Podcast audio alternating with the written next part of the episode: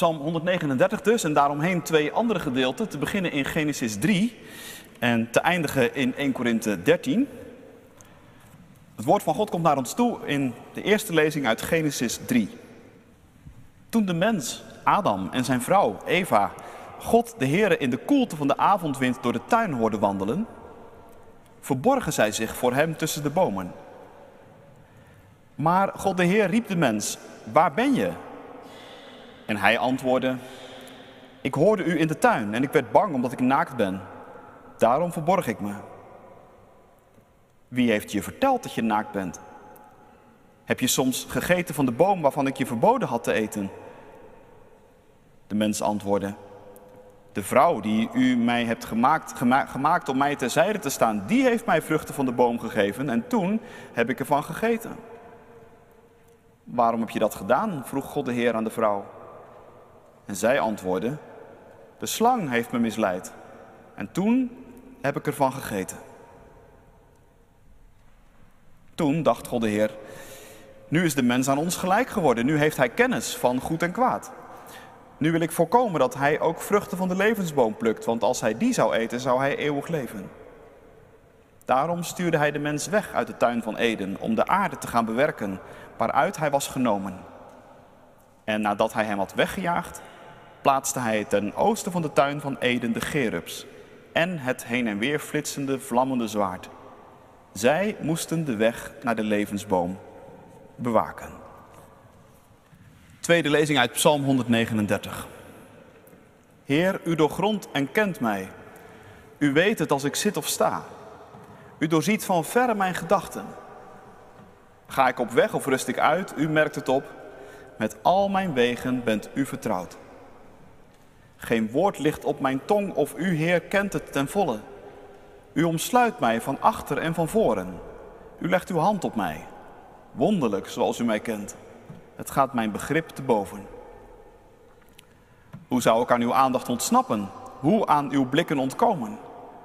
Klom ik op naar de hemel, u tref ik daar aan. Lag ik neer in het dodenrijk, u bent daar. Al verhief ik mij op de vleugels van de dageraad, al ging ik wonen voorbij de verste zee, ook daar zou uw hand mij leiden, zou uw rechterhand mij vasthouden. Al zei ik, laat het duister mij opslokken, het licht om mij heen veranderen in nacht, ook dan zou het duister voor u niet donker zijn. De nacht zou oplichten als de dag, het duister zou helder zijn als het licht. U was het die mijn nieren vormde, die mij weefde in de buik van mijn moeder. Ik loof u voor het ontzaglijke wonder van mijn bestaan. Wonderbaarlijk is het wat u gemaakt hebt. Ik weet het, tot in het diepst van mijn ziel.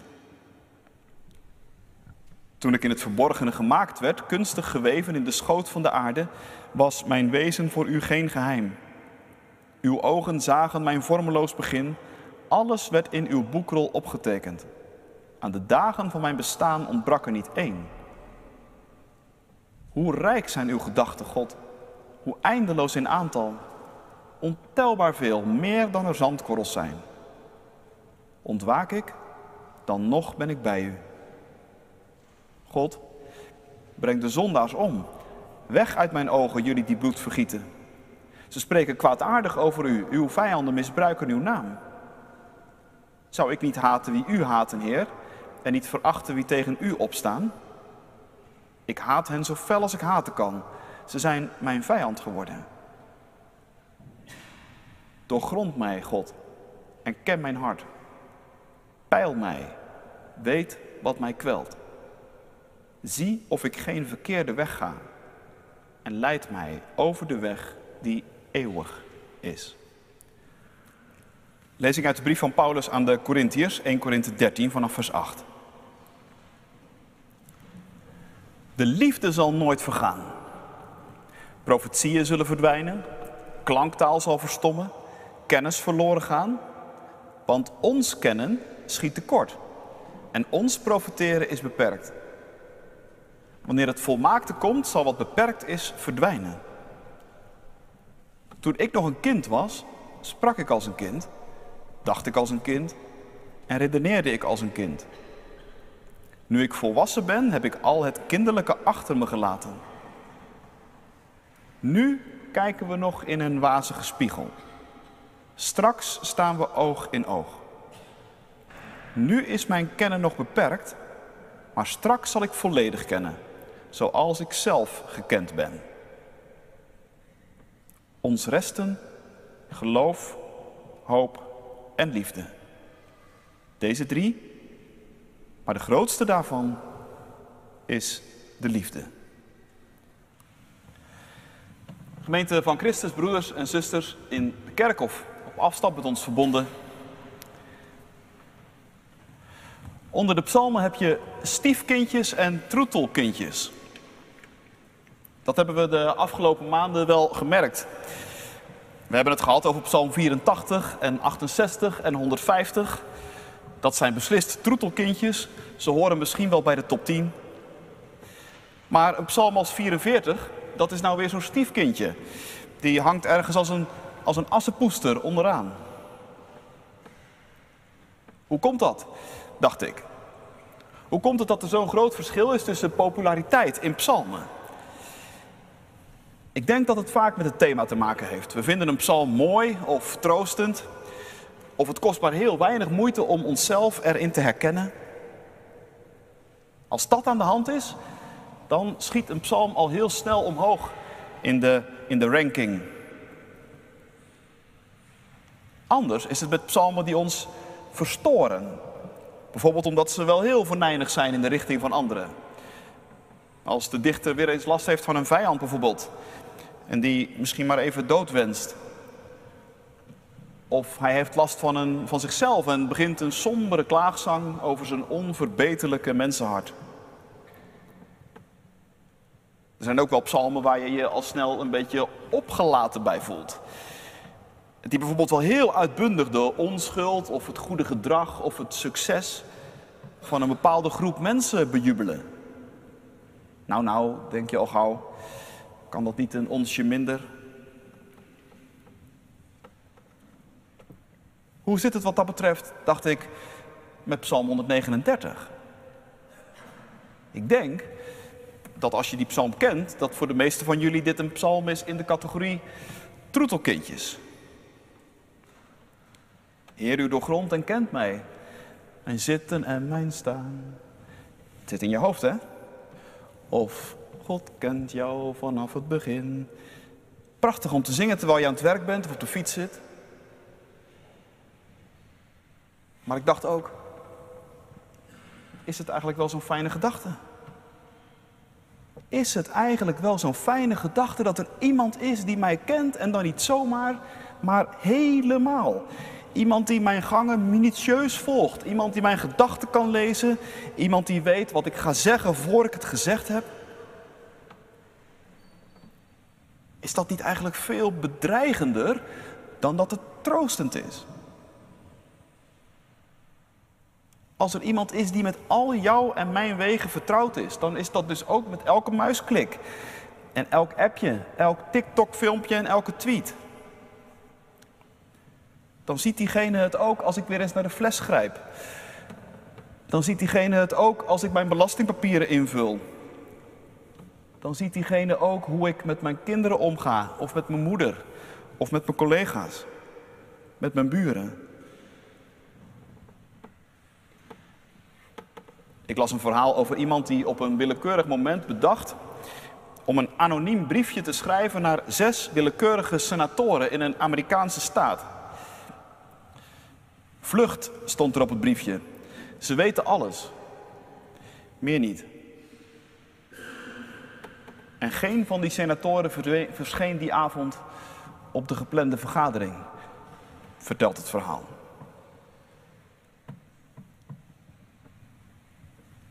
God kent jou vanaf het begin. Helemaal van buiten en van binnenin. Dat is de teneur van Psalm 139. Maar hoe kan dat nou goed nieuws zijn? Adam, waar ben je?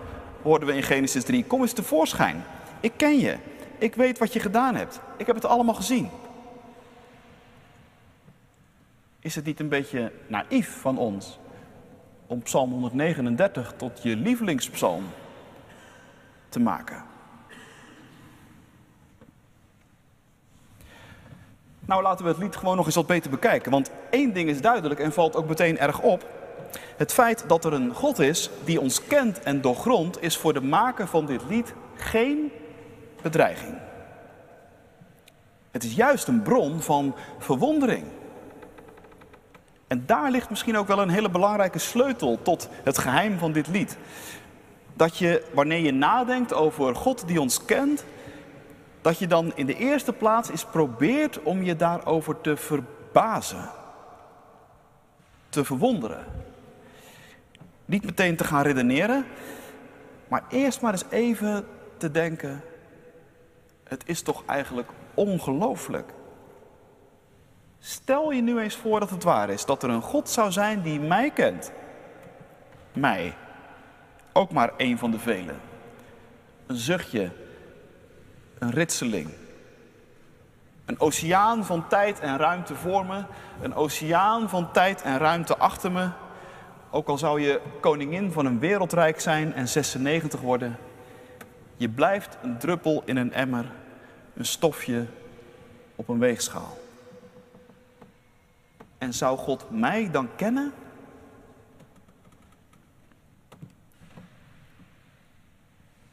In de jaren 70 was hier in Utrecht een geneeskundestudent die zich daarbij aanvankelijk helemaal niets kon voorstellen. Hij was ook geen christen, in tegendeel zelfs. Het christelijk geloof leek hem achterhaald en belachelijk.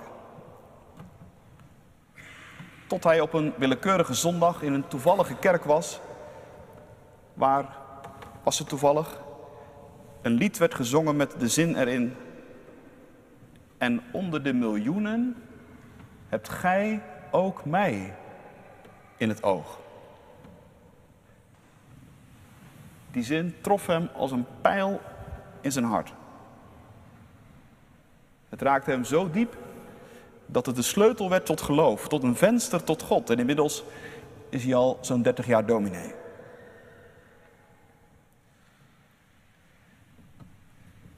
Is dat niet het hele dubbele Behalve dat het aan de ene kant een nogal huiveringwekkende gedachte is dat er iemand zou zijn die alles van je weet, is dat niet tegelijk namelijk ook het liefste wat wij verlangen. Dat er iemand is die je kent en erkent en herkent. En is dat niet juist in onze cultuur een enorme schreeuw op dit moment? Herkenning, erkenning. Zie mij, volg mij, like mij. Ja, maar is dat genoeg? Is het genoeg om gezien te worden? Om gevolgd te worden? Wanneer is het genoeg? Zijn een paar honderd volgers genoeg? Of zijn een paar miljoen likes nog steeds niet voldoende? Wanneer kun je dat nou zeggen? Dat je echt gekend bent. Niet alleen aan de buitenkant. Niet alleen aan de oppervlakte. Niet alleen aan wat je showt aan de wereld maar ook van binnen. Ook de kanten van het leven waar je jezelf voor terugschrikt. Ook de dimensies die te hoog, te groot, te intens of te bedreigend voor je zijn.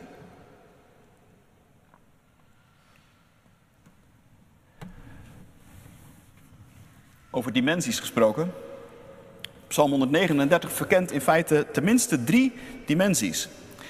In het eerste stuk van de psalm gaat het, we zagen dat al, vooral de diepte in. God kent ons van buiten en van binnenin. Ik ken je, zegt God, het mooie en het lelijke. Ik ken dat waar je je voor schaamt. Ik ken dat waar je spijt van hebt. Maar ik ken ook dat waar je nog nooit erkenning voor kreeg. Ik ken ook die dingen waarvan nog nooit iemand tegen je gezegd heeft: wat knap. Of wat goed. Of ga vooral door, want wist je wel dat je dit in je had?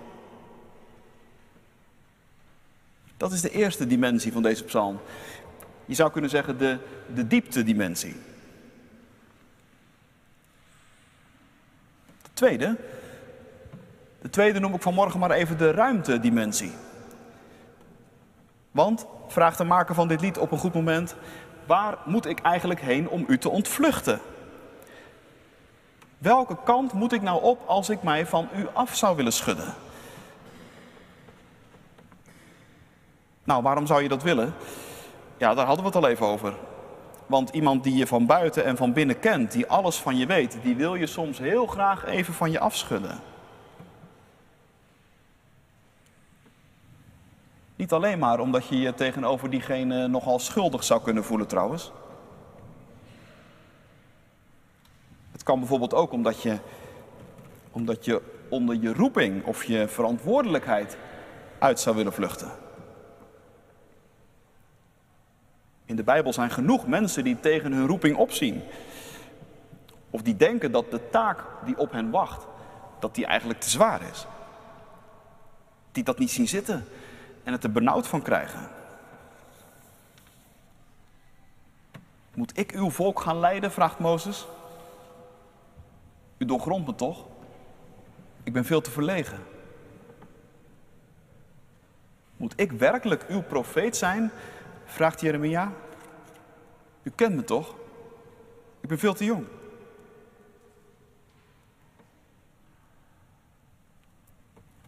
Ik vraag me af of je dat herkent. Dat je weet dat er ergens diep van binnen een beroep op je wordt gedaan. Om je verantwoordelijkheid te nemen, bijvoorbeeld. Of een levenstaak op te pakken. Of iets kleiner, een opdracht te vervullen. Om een vriend te zijn of een naaste of een opvoeder. Om een stapje naar voren te doen in het bedrijf waar je werkt.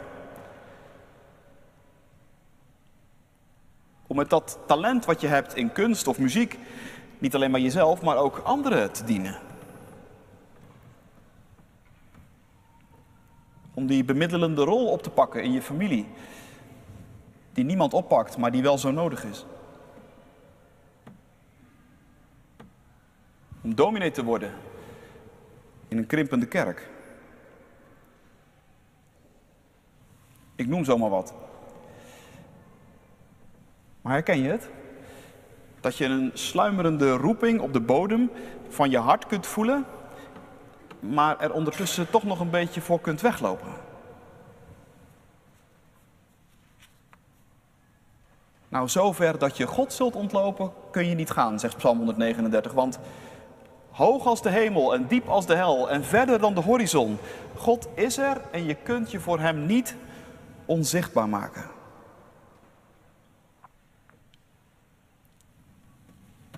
Dat is de tweede dimensie van deze psalm.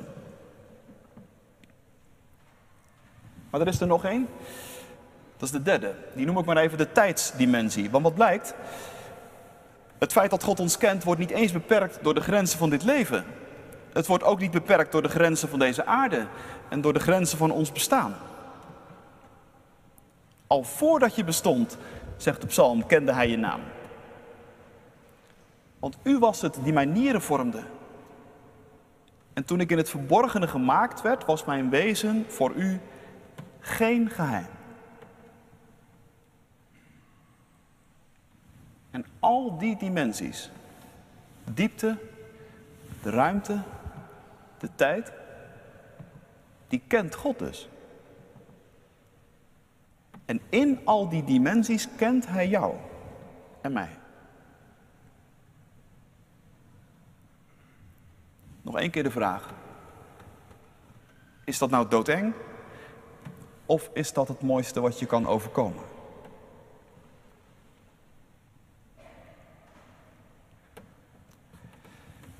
Nou, voor de maker van dit lied is het toch echt het laatste. Het is het mooiste wat je kunt overkomen. En misschien denk je nog steeds, maar hoe kan dat nou? Nou las ik ergens. Omdat de maker van dit lied heeft ontdekt dat Gods kennen ten diepste Gods liefhebben is. Gods kennen is zijn liefhebben. En daarom hoeft het geen bedreiging voor ons te zijn. Natuurlijk. Als God ons kent tot in het diepste van ons wezen, dan kun je daarvan schrikken.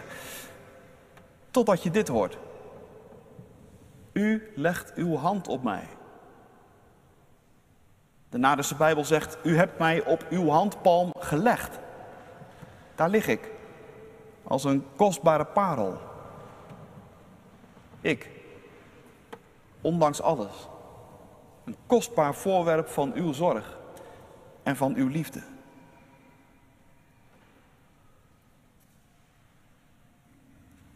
Natuurlijk kun je het Spaans benauwd krijgen als je weet dat God ons weet te vinden.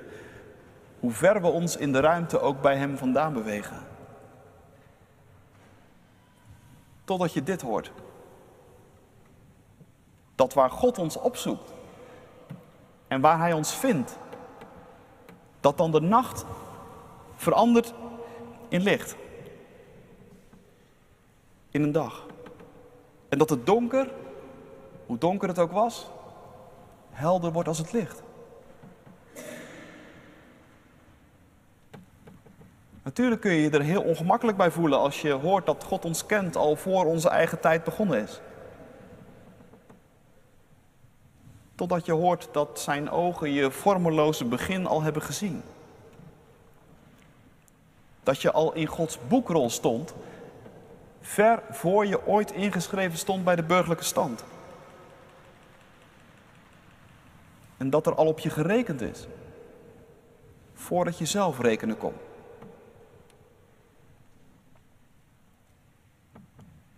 Want Gods kennen is liefhebben.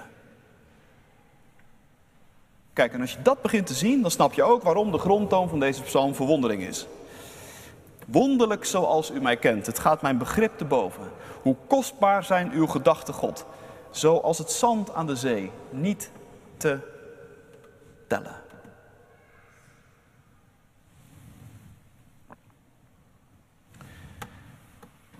Hier zouden we eigenlijk al kunnen stoppen natuurlijk. Dit is genoeg voor de rest van deze dag en de rest van deze week en nog veel langer.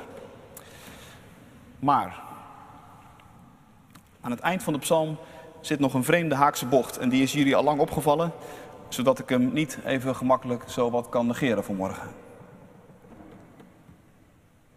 Ineens, vers 19, God brengt de zondaars om. Zou ik niet haten wie u haatte? Ik haat ze zo fel als ik haten kan. Nou ja, denk je, waarom nou dat toch ineens? Wat is dit voor een vreemde zwerfsteen aan het einde van dit lied? Bruidsparen die deze psalm graag in hun trouwdienst gelezen willen hebben, vragen hun predikant, las ik ooit ergens, om bij vers 18 te stoppen. En iemand schreef, zonder vers 19 tot 22 zou deze psalm toch een stuk comfortabeler zijn. Waarop een ander reageerde, ja, maar dat geldt ook voor deze wereld. Die zou zonder slechte mensen ook een heel stuk comfortabeler zijn. En dat is natuurlijk wel een punt. Een psalm die zo hoog en zo diep en zo breed opgeeft van Gods aanwezigheid in deze wereld en in ons leven, die kan natuurlijk niet om het kwaad heen. En zoals deze versen misschien een zwerfsteen lijken in de psalm, iets wat je niet begrijpt, maar toch echt massief aanwezig is. Ik dacht, is het niet ook eigenlijk zo met het kwaad in de wereld? Het is er. En vaak begrijp je het niet. Maar je kunt het niet negeren. En als de mensen het kwaad dan maar gewoon links zouden laten liggen, dan zou het nog tot daar aan toe zijn. Maar dat doen ze niet. Er is niet alleen kwaad, er zijn ook zondaars. Er is niet alleen haat, er zijn ook mensen die haten. Wat moet je daarmee? En wat moeten we er vanmorgen mee in deze psalm?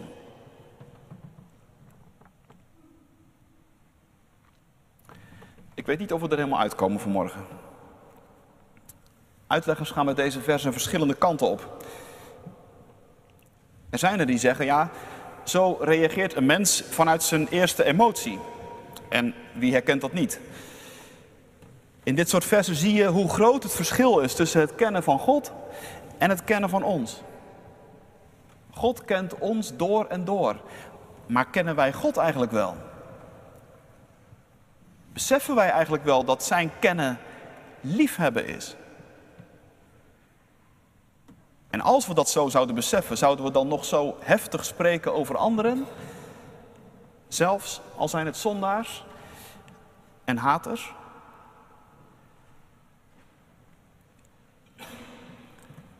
Dat is één uitleg. Een andere uitleg zegt, je moet hierbij niet denken aan persoonlijke haatgevoelens. Het is meer profetische taal die hier klinkt. En haat is ook heel vaak de omkering van liefde. Als God ons nou zo kent, van zo dichtbij en zo, zo betrokken is op ons leven, dan kun je toch geen kwaad meer over Hem willen denken of spreken. Dan kun je Hem toch gewoon niet willen haten. Dan kun je toch, las ik ergens, alleen maar heel hard nee roepen tegen Gods vijanden. Net zo hard, schreef die persoon, als je ook nee roept tegen jezelf. En je eigen vijandigheid tegenover God.